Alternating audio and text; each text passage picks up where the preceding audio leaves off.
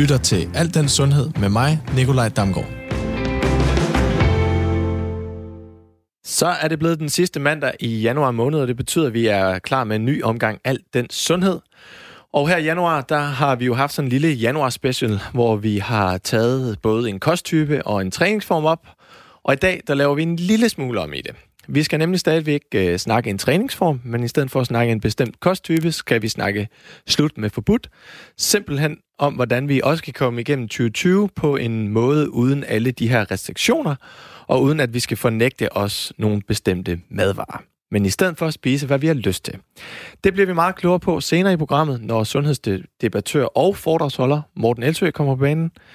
Men allerførst vil jeg gerne byde velkommen til Katrine Jul Hackenberger, fra CrossFit Aros her i Aarhus. Katrine, velkommen til. Tak skal du have. Jeg håber, jeg sagde dit efternavn er korrekt. Meget tæt på. Meget tæt, okay. Katrine, du er træner i CrossFit Aros, og øh, du har selv dyrket CrossFit i 10 år. Yes. Og så har du været til EM. Det har jeg også, ja. Ja, det er mega sejt. Og øh, vi kører lige en ting her.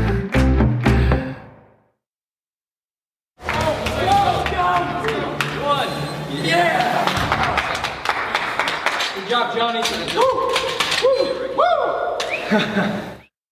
Nå, vi fik lige en lidt anderledes start her, det beklager Katrine. Som sagt, så har du været med til EM i CrossFit. Ja. Vil du ikke lidt fortælle om, hvordan du endte der? Jo, øh, jeg har faktisk snart 10 års jubilæum inden for CrossFit. Jeg startede i øh, februar 2010, fordi jeg startede på politiskolen i København, og vores øh, fysiske lærer på skolen, de sagde, øh, hvis I vil have gode karakterer i vores fysiske prøver, så skal I starte til CrossFit. Og øh, det tænker jeg, det, det skal jeg bare. Og øh, så var jeg til min første prøvetræning i Butchers Lab inde i Kødbyen. Og øh, efter den, så var jeg bare hugt. Det, øh, det var mega, mega fedt og mega hårdt. Øh, og på det tidspunkt, der dyrkede jeg øh, cheerleading på konkurrenceplan. Og det, jeg godt kunne lide ved cheerleading, det var, at vi havde al, en hel masse forskellige sportsgrene i én sportsgren. Man kunne både lave akrobatik og, og springgymnastik og dans og skulle være stærk, men også smidig. Og så prøvede jeg CrossFit, og det havde det hele. Det var alle sportsgrene i én sportsgren, og der skulle man både være stærk, udholdende, smidig, øh, have koordination, og jamen, stort set alle elementerne skulle, øh, skulle man kunne øh, for at være god til CrossFit. At være en komplet atlet. Lige præcis. Hvor stammer det her CrossFit egentlig fra? Det stammer fra USA. Øh, det var noget, øh, politiet og militæret de brugte for at få deres øh, folk i, i rigtig god form. Og så, øh, så var der en, en mand, der, der tog den videre og tænkte, det, øh, det kan ikke passe, det kun skal være eliten, der skal lave det her. Det, det er noget, alle kan lave, øh, som kan få alle i form. Og øh, så op, opfandt han CrossFit. Og øh, altså, jeg synes jo selv, at CrossFit er mega godt, men vi må jo også bare indrømme, at øh, der er utrolig mange fordomme omkring det her med CrossFit. Ja, desværre. Og til det, der har vi lavet sådan en lille fordomsrunde, øh, vi godt kunne tænke mig, eller tænke os at, øh, at have dig med i. Er du ja, klar på det? det kan du tro. Fordomsrunden. Spørgsmål nummer et. Kan er det kun store, muskuløse vikingemænd, som dyrker det? Nej, det er det ikke. Tværtimod. øhm, øh, så for at tage et helt simpelt eksempel. Mine forældre dyrker det. Øhm, og øh, jeg tror, vores ældste medlem i centret er 68, og øh, vores yngste er 5 år. Så øh, det er bestemt ikke øh, ja, elite øh, crazy vikingefolk, der dyrker det. øh, det er designet, så alle kan være med. Øhm, det fede ved CrossFit er, at lige meget hvad for et niveau du har, så kan, så kan vi træne sammen. Så selvom du har en total begynder eller en helt elite atlet, så kan de lave den samme workout. Øh, den bliver bare lavet på en lidt anderledes måde, afhængig af, hvad for et individ vi har med at gøre. Så der, hvor man skal lære det op eller ned? Lige præcis. Ja. Anden fordom, det er bare at slå på dæk og bære tunge sække. ja. øhm, det var det måske en lille bitte smule i starten, at, øh, at vi slog på dæk. Øh, det er ikke noget, vi gør mere. Og hvis der bliver slået på dæk, så er det en enkelt gang om sommeren, bare lige for sjov.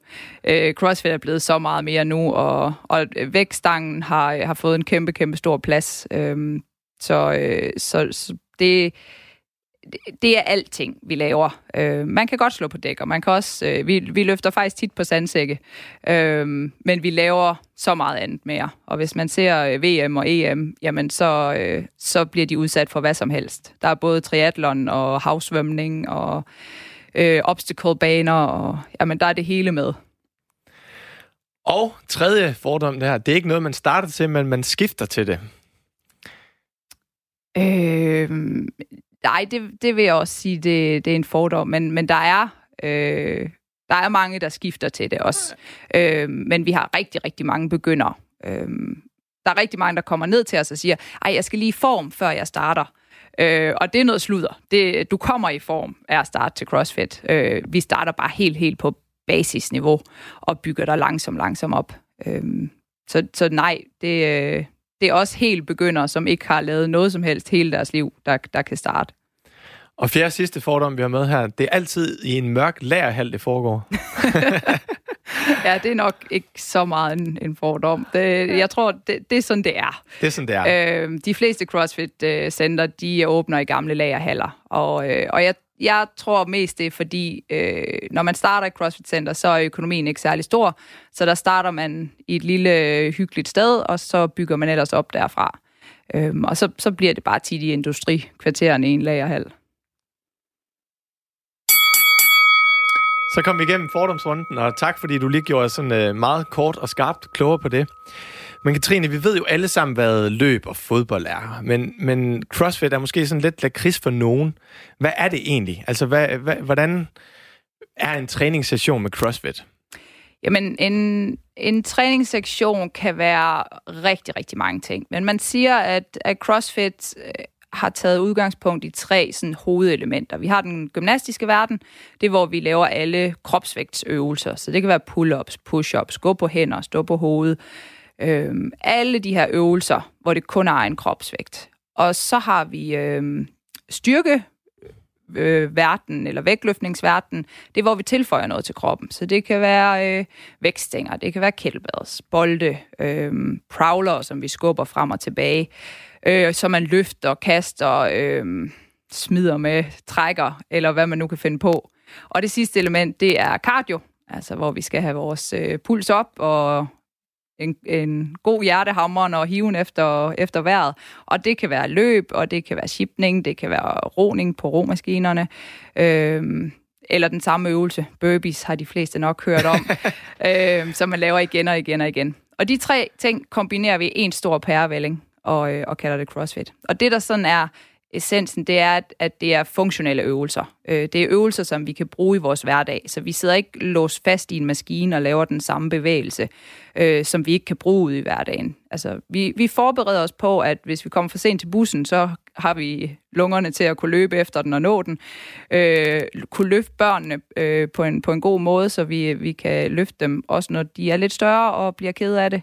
Øh, eller som min, mine forældre, der er blevet bedsteforældre nu her, at, at de kan lege med, med deres øh, børnebørn hele livet, og at de ikke øh, bliver trætte på noget tidspunkt. Og, og det er de ting, som, som vi træner i CrossFit. Så de simpelthen har styrken til meget af de her hverdagsbevægelser Lige præcis. Så det er meget højintens og ingen pauser, eller hvordan? Jo, der, der er også pauser.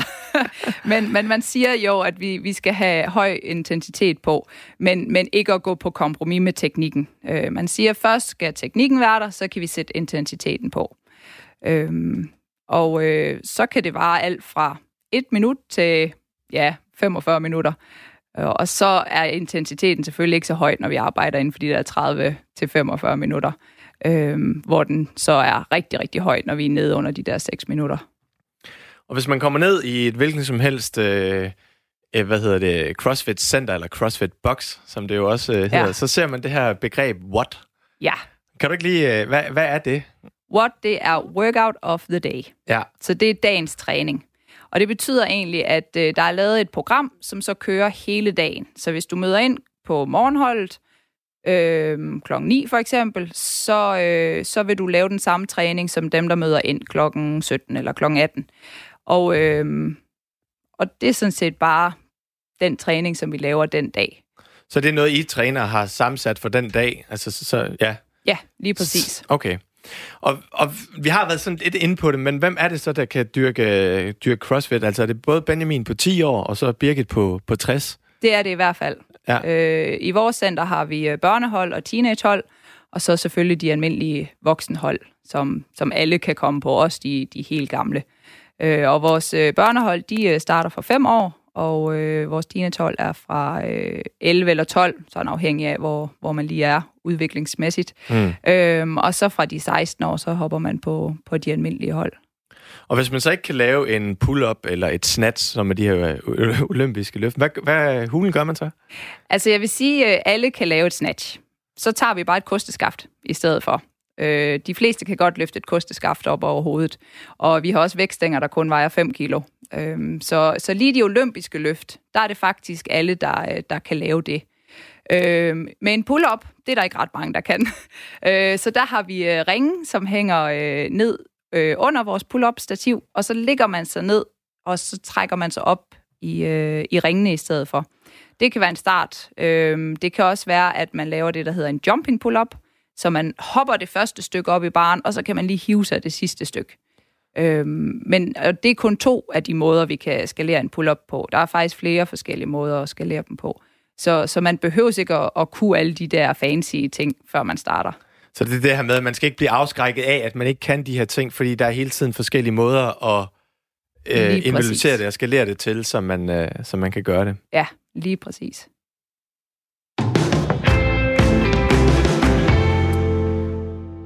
Når vi sådan snakker CrossFit i det, i det daglige eller i offentlige, så kan man heller ikke helt undgå at komme til at høre rigtig meget omkring skader.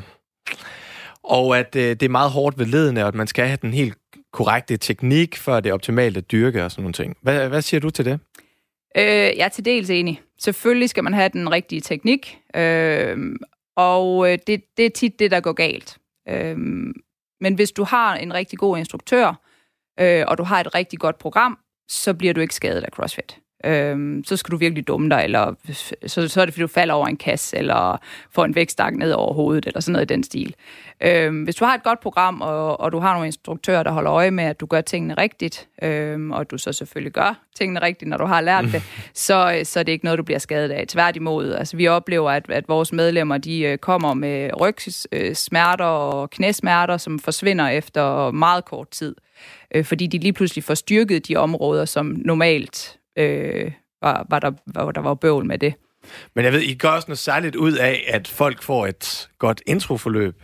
Ja, ude ved os har vi det, der hedder introforløb. Så de starter på et introhold, og derefter kører vi fire introforløbstræninger, hvor øh, de bliver øh, smidt igennem øh, dødløft og squats og pres, og så vægtløftningsdelen. Sådan at før de starter på, på de helt almindelige hold, så har de basispakken, øhm, så, så vi ikke skal stå som instruktør på vores øh, almindelige hold og, og, og lære dem noget helt, helt basis. Det får de fra starten af. Øhm, og det gør også bare, at, at vi kan koncentrere os, os om dem, som har gået der i lang tid, så de også bliver bedre stadigvæk. Øhm, men det gør også, at dem, der starter på de almindelige hold, de har det lidt bedre og synes, at oh, det er ikke så slemt, nu kan jeg godt alle de her øh, grundting, så jeg er ikke helt lost, når jeg starter. Men er det alle, altså er det alle boks eller centre, der, der ligesom implementerer det på den måde? Nej, desværre ikke. Okay. Øhm, I udlandet er de helt vildt gode til det, og øh, der, vi havde et medlem, der var i Norge, hvor øh, hun skulle igennem et måneds forløb, øh, hvor hun skulle betale, jeg tror det var 2500 øh, norske kroner, for at måtte bevise, at hun var god nok til at, at komme på de almindelige hold. Og det var trods det, at hun havde gået til, til CrossFit øh, nede ved os, så, så ville de have, at hun skulle igennem det her. Så jeg vil sige, at i Danmark er, er vi meget... Øh, måske lidt laissez-faire med at, at sende folk direkte ind på, øh, på de almindelige hold. Jeg synes, det er fint at have et, et lille introforløb, hvor, øh, hvor man lige får grund, grundtingene på plads, før og, vi kaster os ud i det. Og tror du, det er derfor, at CrossFit og skader så tit bliver koblet sammen, fordi man ikke har den Ja, måske lidt. øh, men jeg tror også, det er fordi, at folk de tror, at øh, man skal hjernedøde derud af hver evig eneste træning, og at man skal lave nogle crazy lange workouts hver evig eneste gang, man skal ned og CrossFit. Og det er på ingen måde det, der er meningen. Hvis man ser øh, den originale CrossFit HQ's øh, programmering, så har man den ene dag, så laver man kun back squat. Så hedder det måske 5 gange 5 back squat. Så dagen efter har vi en workout, øh, hvor vi så laver en workout, der var 15 minutter måske, og så den næste dag, så er der kun tekniktræning på håndstand, eller et eller andet den stil, og sådan kører programmet hele tiden. Øh, så nogle dage smadrer man sig selv, men andre dage, så, øh, så har man måske lidt aktiv recovery, hvor man kun øh, cykler eller roer, eller et eller andet den stil.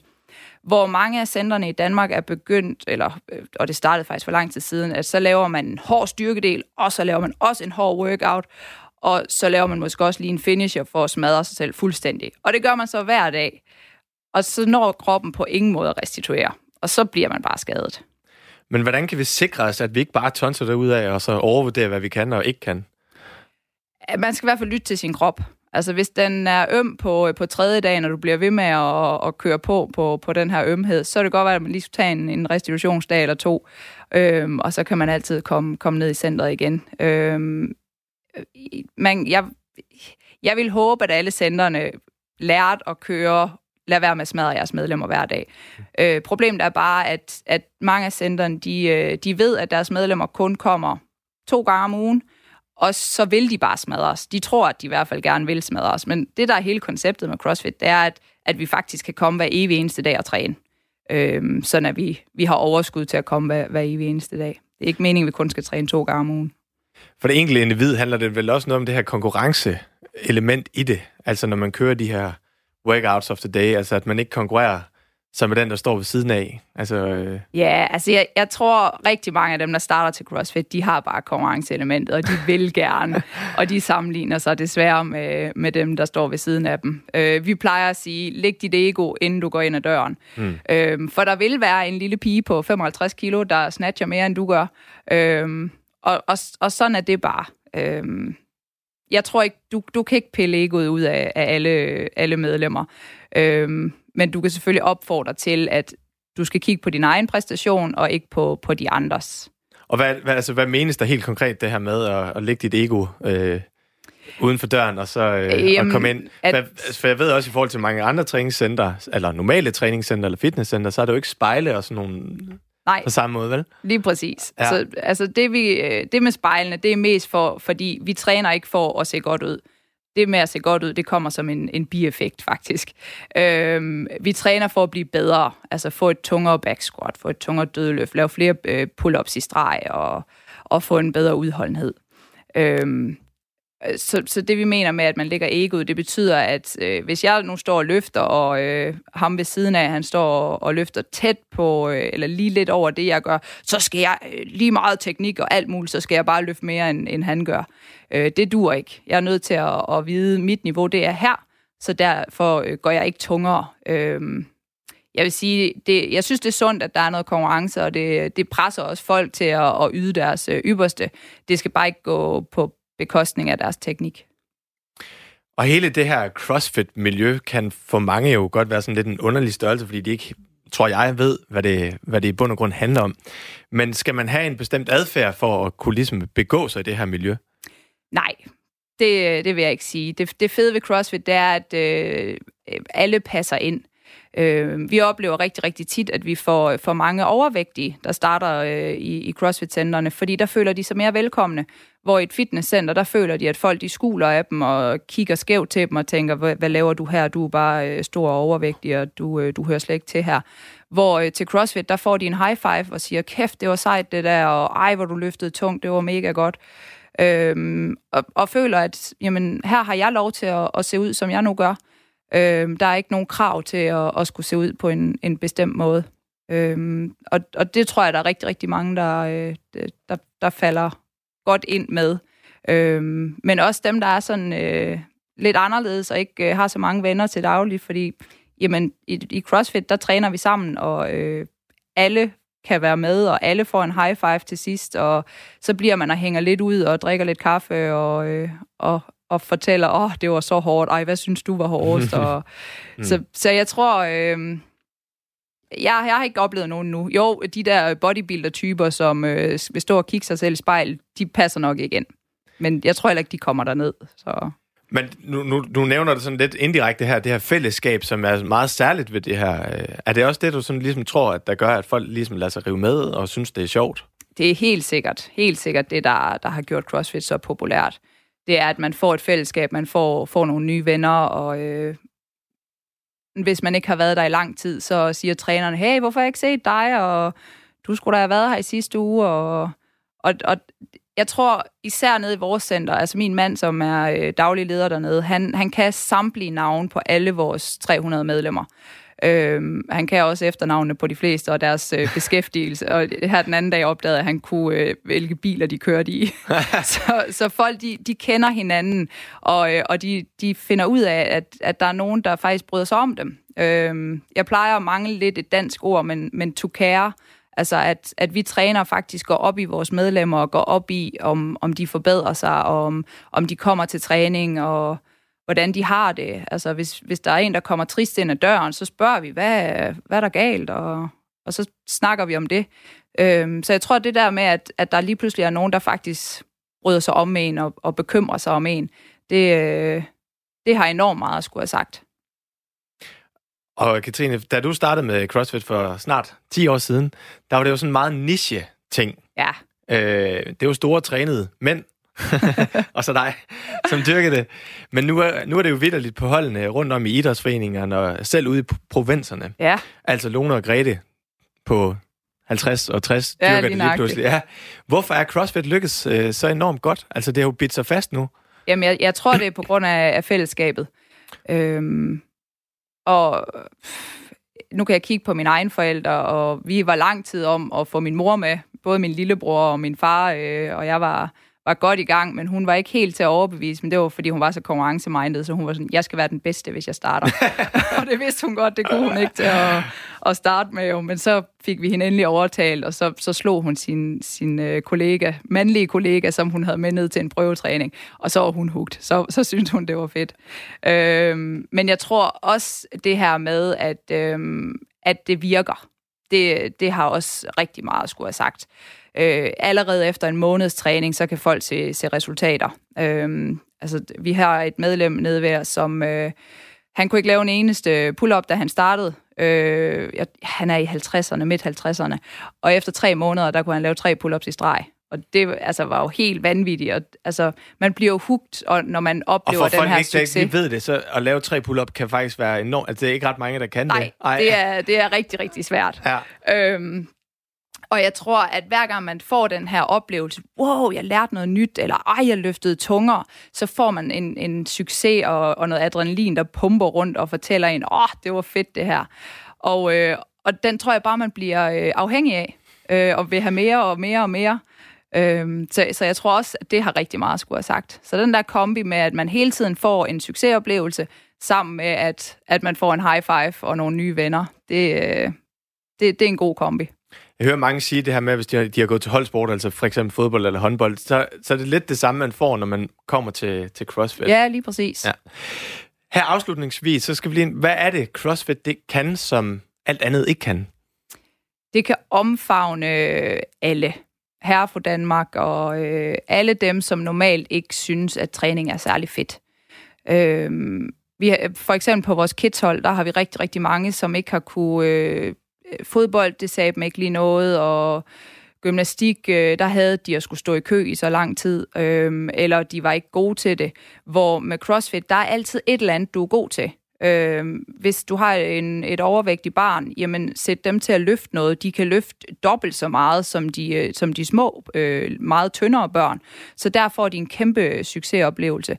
Hvor imod de tynde små børn, som normalt måske bliver mulet af de, af de lidt større børn, de kan hænge i barn eller lave pull-ups, som jamen, ingen... Eller løbe fra dem. ja, lige præcis. ja. Øhm, så, så begge parter får noget, de er gode til, og, og får en succes. Øhm, hvor at jamen til gymnastik, der, der, der skal du være en bestemt kropstype. Til fodbold skal du kunne løbe hurtigt, eller ja, hvor CrossFit, jamen, der er altid et eller andet, du er god til. Og det, det gælder nok også lidt de voksne. Ja, altså det tænker jeg, at det er, det er i hvert fald der, tænker jeg, så fællesskabet, som du har været inde på. Her helt kort, altså hvis øh, folk gerne vil øh, i gang med det, har du så øh, en, to, tre gode råd? Jamen, som... øh, start med at finde et, et CrossFit-center. Øh, man kan gå ind på øh, crossfit.com, og så har de et helt øh, verdenskort, hvor man kan finde det nærmeste center. Øhm, og så øh, tage kontakt til dem, eller besøge deres hjemmeside, se hvornår de har deres introhold. Stort set alle øh, CrossFit Center kører med introhold, gratis introhold. Og så prøv det, og, øh, og se, hvordan det føles. Øhm, jeg vil helt klart anbefale, at hvis der er flere centre i din by, så prøv dem alle sammen, før du vælger øh, en specifik. Øh, fordi de har forskellige ting, som, øh, som er gode og, og dårlige. Øh, så det med at finde den, der, der passer dig bedst. Perfekt. Og det må øh, blive din sidste ord, Katrine. Tusind tak, fordi du har lyst til at være med her i studiet. Det var skam så lidt. Og nu, nu skifter vi banehalvdel, for nu har vi fået foredragsholder og sundhedsdebattør Morten Elsø med i studiet. Morten, velkommen til dig, og tak fordi du havde lyst til at komme. Selv tak. Morten, øh, jeg kunne godt tænke mig at starte lige på hårdt. Hvordan holder du dig i nogenlunde form, og øh, sørger du for, og, altså, og, og sørger for at leve sundt? Øhm, nu har jeg to små børn, så, øhm, og, og alt har ændret sig de sidste fem år i, i forbindelse med det, og hus og så videre. Så der har øh, sket rigtig meget i forhold til, hvor meget tid der er til at øh, træffe de sunde valg, hvis man kan sige det sådan i løbet af dagen.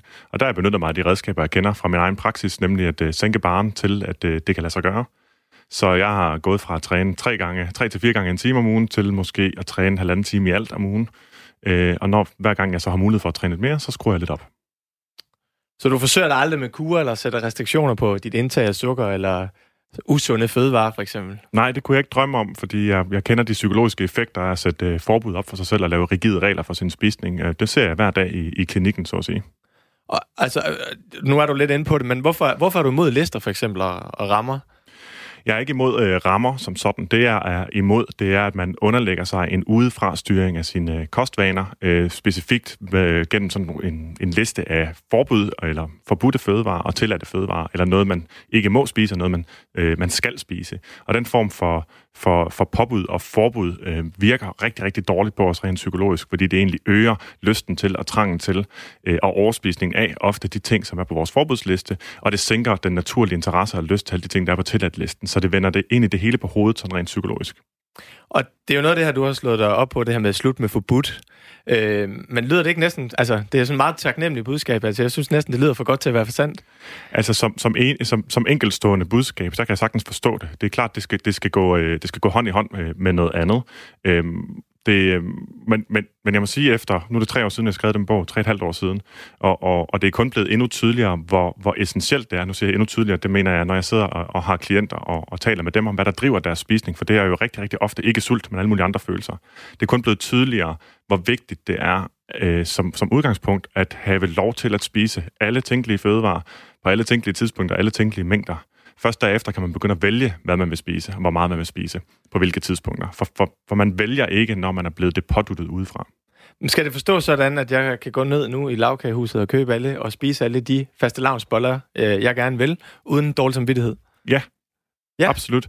Øh, og, og pointen er jo så, at når du ved, at du godt må altid, så kommer du ikke til at spise særlig mange faste lavnsboller. Når du ved, at du godt må spise faste lavnsboller fra morgen til aften, så kan du begynde at spørge dig selv, hvad har jeg lyst til lige nu? Har jeg lyst til faste lavnsboller? Det modsatte er, at du får at vide, at du ikke må spise faste lavnsboller, eller du kun må spise dem til faste lavn, så skal man have dem på det tidspunkt. Og det er, jo, det, er jo, det er jo meget tydeligt vist i dyreforsøg, og også i forsøg med mennesker, men også allerede i dyreforsøg. Altså, når vi får tidsafgrænset adgang til noget, så vil vi overindtage det i, den, i det tidspunkt, vi har, vi har mulighed for at gøre det på. Og vi kender det fra alle mulige andre steder, øh, knaphedsprincippet, eller scarcity-princippet, som det også kaldes.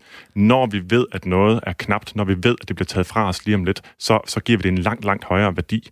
Og det er den værdi, vi giver alle de fødevarer, som vi fortæller os selv, vi enten ikke må spise, eller kun må spise i meget begrænsede mængder, eller øh, kun må spise på, på, på særlige tidspunkter. For eksempel til jul, der har vi også set, hvordan vi alle sammen kommer ind i sådan en slags fælles overspisningsorgie. Og du siger også det her med, øh, nu kan du, du skal ikke. Øh, det kunne jeg godt tænke mig, at du lige forklarede lidt, øh, lidt dybere. Ja, men det, der er mange, der tænker, at nu, nu kan jeg spise. Altså, hvis jeg får at vide, altså, nu, nu er det mig, der får at vide, at det er slut med forbudt, og alt er til at tænke, så nu kan jeg spise flødeskumskager, hvis det nu var det, ikke? Så jamen, det har du jo altid kunnet.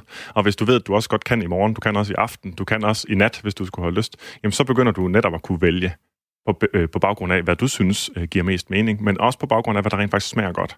For det viser sig, at når vi lader os styre udefra af regler og forbud, jamen de forbud, de får tingene til at fremstå mere øh, fantastiske, fremstå øh, mere sådan fortryllende nærmest, øh, de forskellige fødevarer, som vi har gjort forbudt for os selv. Og derfor så vælger vi dem ikke på baggrund af lyst og præferencer længere, vi vælger dem på baggrund af, jamen hvis jeg først har valgt, os, øh, hvis jeg først har sat tænderne i det her, så skal jeg spise det hele, ikke? Så bliver jeg nødt til at gøre det. Ja. Og det er det samme, der får os til at udrydde, eller rigtig mange mennesker til at udrydde, måske 500 gram slik øh, fredag aften. Det er fordi, at nu må jeg, men i morgen må jeg ikke. Og den kommer bare igen og igen og igen, når jeg har klienter, at, at siger, jamen, altså, så, så gik jeg jo i gang med at spise den her snack, og så tænkte jeg, jeg må også godt i dag. Og så var det, det, det tog overhånd, og man fik en meget større mængde. Og det er jo der, hvor det så bliver problematisk. Det er jo, at alle fødevarer kan være usunde, når vi får store nok mængder. Og forskellige fødevarer skal vi helst spise i forskellige mængder. Og det viser sig, at vores krop faktisk er rigtig, rigtig god til at regulere det. Det kan man se fra barns ben af. Man har lavet forsøg på, på børn, og man kan se, at vi er rigtig, rigtig gode til at regulere få forskellige typer af fødevarer, forskellige kalorietætheder og forskellige mængder af kalorier afhængig af vores energiforbrug i løbet af døgnet. Det er vi virkelig, virkelig godt indstillet til. Det, der til gengæld ødelægger det, det er, når vi får at vide, at vi ikke må spise så meget, eller vi skal spise mere, eller vi skal spise mere af noget andet, eller vi skal spise mindre af noget andet, og vi får sat forbud og restriktioner op, især i forbindelse med rigide regler i forbindelse med slankekur.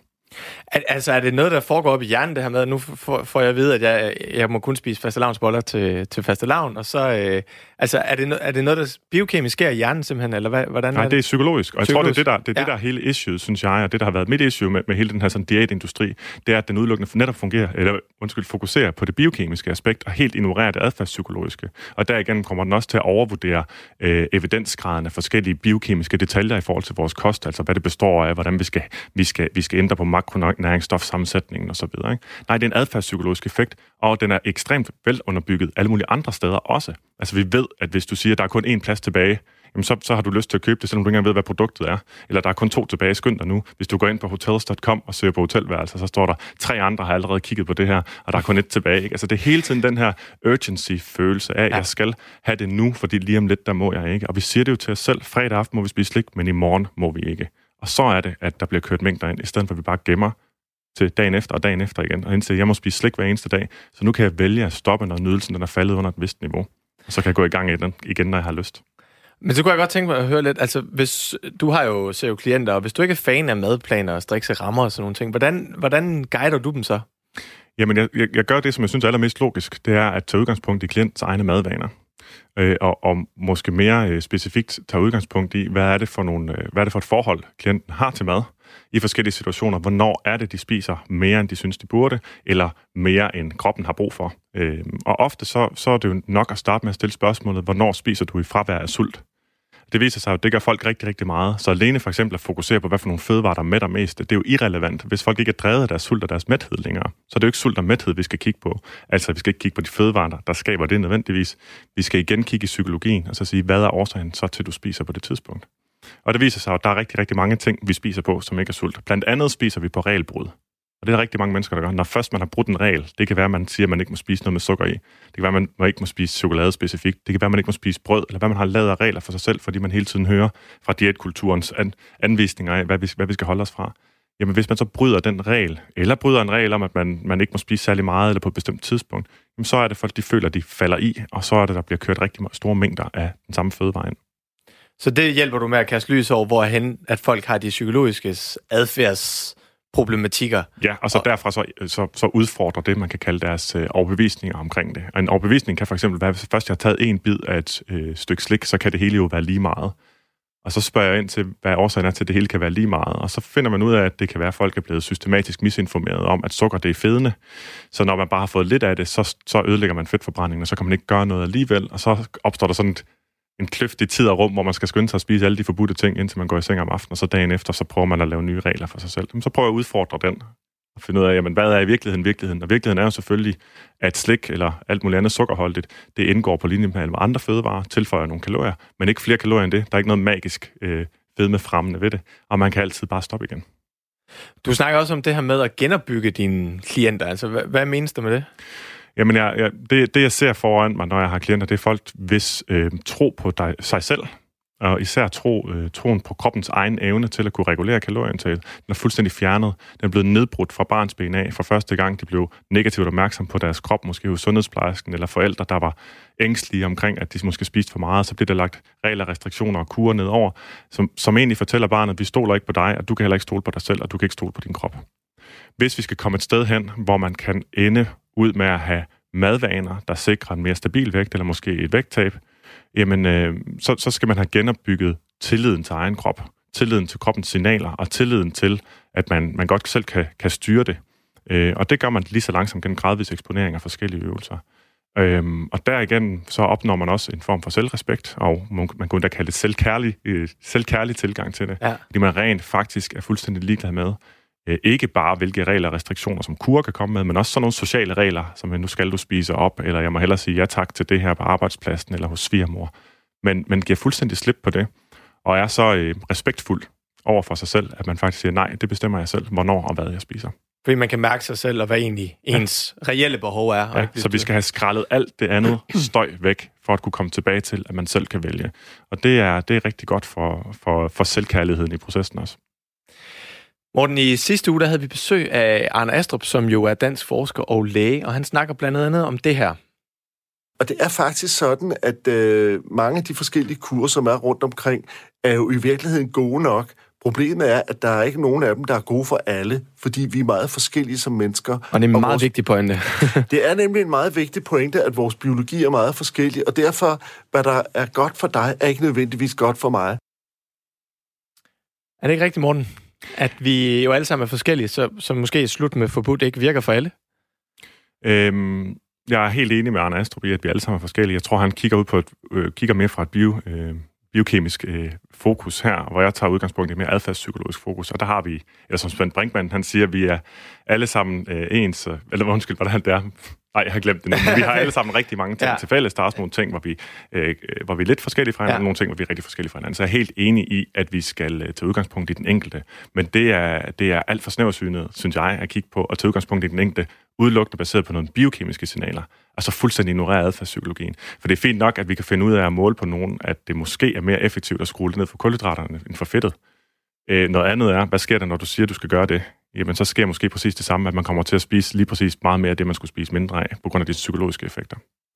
Ja, fordi, og det refererer så til det næste, Arne han er inde på at snakke om. Det handler nemlig omkring det her med blodsukker, og det vil jeg gerne lige have, at vi, vi lytter til her. Men i virkeligheden er det noget at gøre med, at der er mange mennesker i vores samfund, som er det, vi vil kalde kulhydratintolerante, at de simpelthen har de kan godt fordøje og optage kulhydrater ind i blodet, men at få det fra blodet ud i vævne og få det forbrændt, det er de ikke gode til. Og det gør, at det faktisk hober sig op i blodet, og man begynder at få lidt forhøjet blodsukker. Men det betyder også, at det ikke kommer ind i hjernen og musklerne, og det gør så, at vi ikke bliver mætte af det. Så der er altså nogle mennesker, som er insulinresistente, og det værste, de værste eksempler, ved, øh, man kan tage, er sådan set at have type 2-diabetes, eller have sådan noget polycystisk ovariesyndrom. Der er mange mennesker, der faktisk er insulinresistente, og der gælder det for dem om faktisk at skære ned på kulhydraterne og spise nogle kulhydrater, som øh, har flere fiber og som ikke giver så kraftige blodsukkerstigninger. Og det Arne siger her, det er, at vores blodsukker varierer meget fra hinanden, og alt efter vores blodsukker, så, kan vi så skal vi spise noget bestemt og sammensætte vores kost på en bestemt måde. Du sidder og nikker, øh, nik, altså, eller, hvad hedder det, siger nej til det med dit kropssprog, men det kan du vel ikke afvise, at, at øh, det er jo en dyr forskning, Arne har lavet på det her. Altså, hvad forskning koster, øh, fortæller jo intet om forskningskvalitet, øh, så den kan vi nok lægge til side. Jeg vil sige, der er lavet et meget, meget, meget stort interventionsstudie, der egentlig tester den her hypotese, som hedder Diet Fit-studiet, hvor over 600 mennesker, der er forløbet over to år. Et meget, meget fint studie. Og de finder altså ikke nogen forskel i, hvad man bør øh, spise af fedt eller kulhydrat i forhold til ens insulinresistens forud for forsøgets øh, igangsættelse. Så det er altså ikke noget, der er skåret i sten, at det er sådan her, det hænger sammen. For det første. For det andet, så er der altså ikke god evidens for, at hvis man har PCOS, så skal man skære ned på kulhydraterne frem for noget andet. Det er der mange, der påstår, men der er ikke evidens for, at jeg har kigget. Øhm, så, så det synes jeg, man skal passe på med at udlede af den forskning, som, som Arne har stået for. Jeg har masser af respekt for det, det han har, men jeg synes ikke, man kan udlede det, øh, af, det øh, af forskningen, som han siger. Men det er jo svært at gå... Altså, jeg tænker også for, øh, for forbrugerne eller for befolkningen, er det jo svært at gå op. Altså her har vi en læge og professor, som er meget anerkendt mm. i, i befolkningen, som siger noget stik modsat af, at det er meget vigtigt, at vi har fokus på, hvor mange kulhydrater vi får kontra fedt. Altså, så vidt jeg husker citatet, der var fra, så sagde han ikke på noget tidspunkt, at det er meget vigtigt, at vi husker det. Han sagde, at der, der er data, der viser, at det, kan, det gør en forskel, og at folk er forskellige. Og den del af det vil jeg måske hellere fokusere på. Det, som jeg synes er relevant for folk at få med, øh, når de lytter med her, især, det er at lægge mærke til, hvordan hele, øh, al den her snak om vægttab og kost handler øh, primært om det biokemiske. Og, og, og det er således, at hvis man ikke har sat sig rigtig grundigt ind i det adfærdspsykologiske, så vil man igen få de biokemiske signaler i litteraturen, altså de ting, der kommer ud af fra den videnskabelige litteratur, dem vil man nok overvurdere vigtigheden af, og så vil man, øh, fordi man ikke slet ikke har det aspekt med, hvad, hvad sker der egentlig med menneskets adfærd, spiseadfærd, når vi taler om det. For vi er ikke fornuftsdrevne. Og det er den største fejl ved hele diætkulturen, eller hele diætindustrien, eller måden, der bliver talt om det på. Det er, at man hele tiden taler til vores fornuft, men det er ikke vores fornuft, der træffer vores fødevarevalg. Det er vores følelser, vores overbevisninger vores vaner, og så har vi selvfølgelig også drevet rigtig meget af misinformation. Øhm, det, det, det vil nok være gavnligt for de fleste at slukke for alle de signaler og begynde at stille sig selv spørgsmålet, hvilken spisevane har jeg et problem med? Hvor er det, skoen trykker for mig? Og så give slip på alt det andet. Men vi kan vel ikke negligere den her med, at der, altså det sagde vi også før, vi var inde og snakke om, at der er forskel på, hvad du skal spise, Morten, og hvad jeg måske skal spise, i forhold til de her forskellige ting. Og så kan det så være vigtigt at se på alt det, du kan omkring adfærden. Men det er vel også vigtigt at se på, hvad, hvad er det for en kost, der vil være god for mig, og en, og en, en kost, der vil være for dig? Ja, men de fleste mennesker vil trives på en kost, der giver dem de kalorier, de har brug for, og helst ikke mere eller mindre end det. Og det er svært nok i sig selv.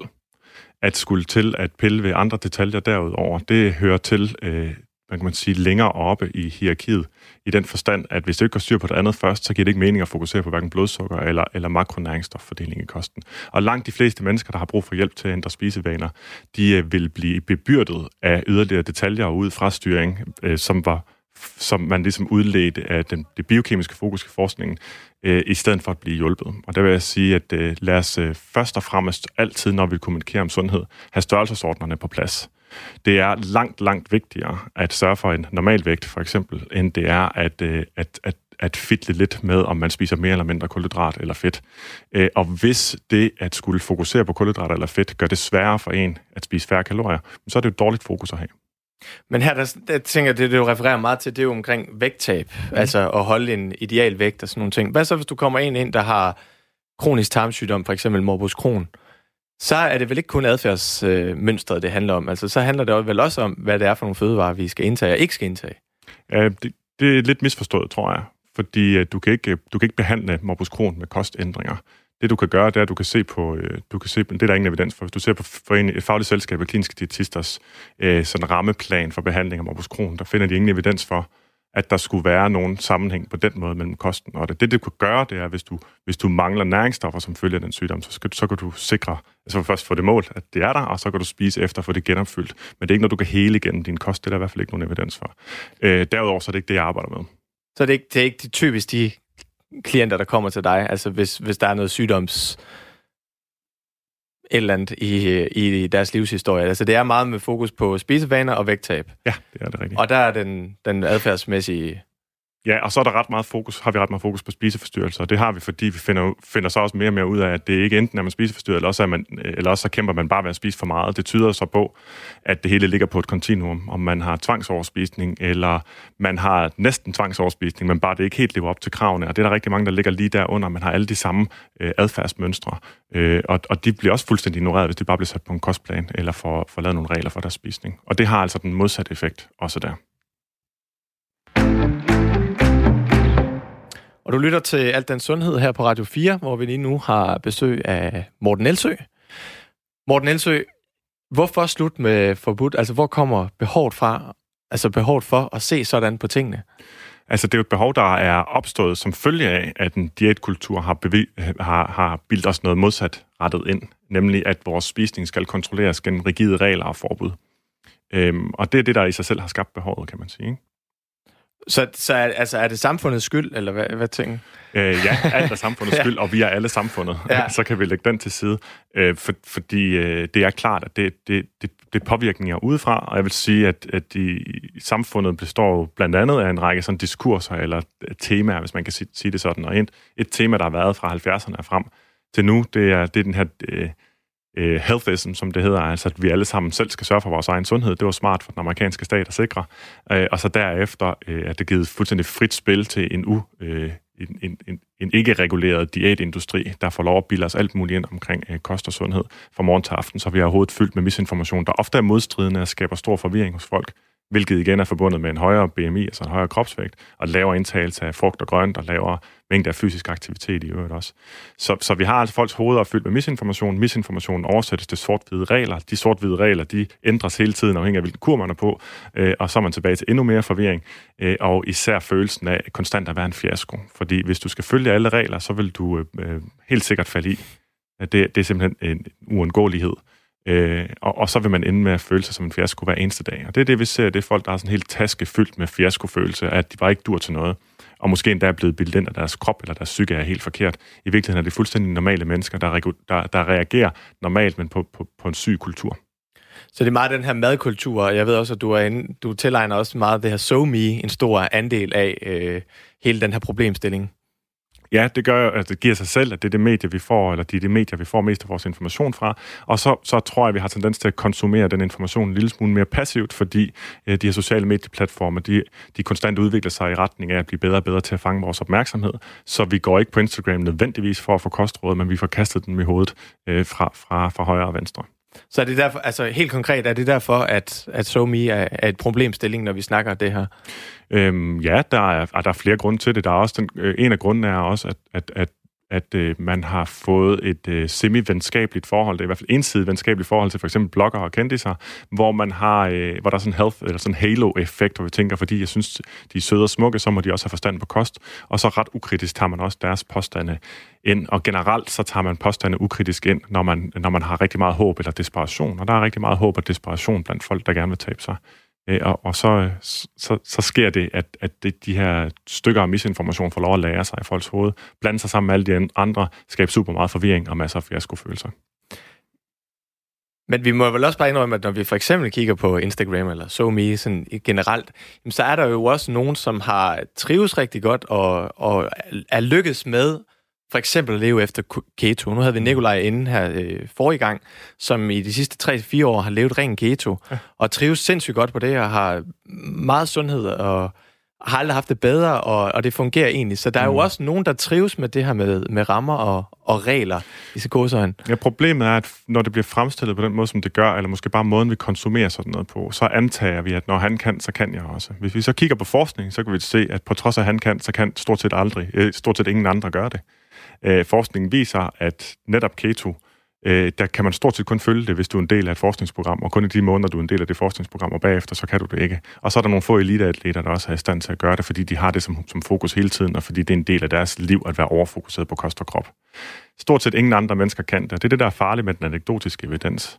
Det er, at vi kommer til at tro, at vi er ligesom ham, så vi også kan gøre det på den måde. Øh, og, og så, så, så måner det ud i langt de fleste mennesker, vil, der vil forsøge dem. De vil, de vil finde ud af, at de vil fejle. Øh, det vil så give endnu et hak i, i, i øh, hvad kan man sige, selvtilliden i forhold til at kunne det fremad, fremadrettet. Ikke? Øhm, de fleste tror jo desværre, at de er en outlier, og langt de fleste er jo ikke en outlier. Og man burde jo følge det, som stemmer overens med det, der virker for flest mennesker. Og det er at finde gode, stabile vaner for at reducere mængden af mad, som man indtager, og øge mængden af bevægelse. Så det jeg også hørte det her med, det her slut med forbud, handler jo rigtig meget omkring det her med adfærd, men også rigtig meget omkring at, at ikke overspise og, og holde en ideal vægt.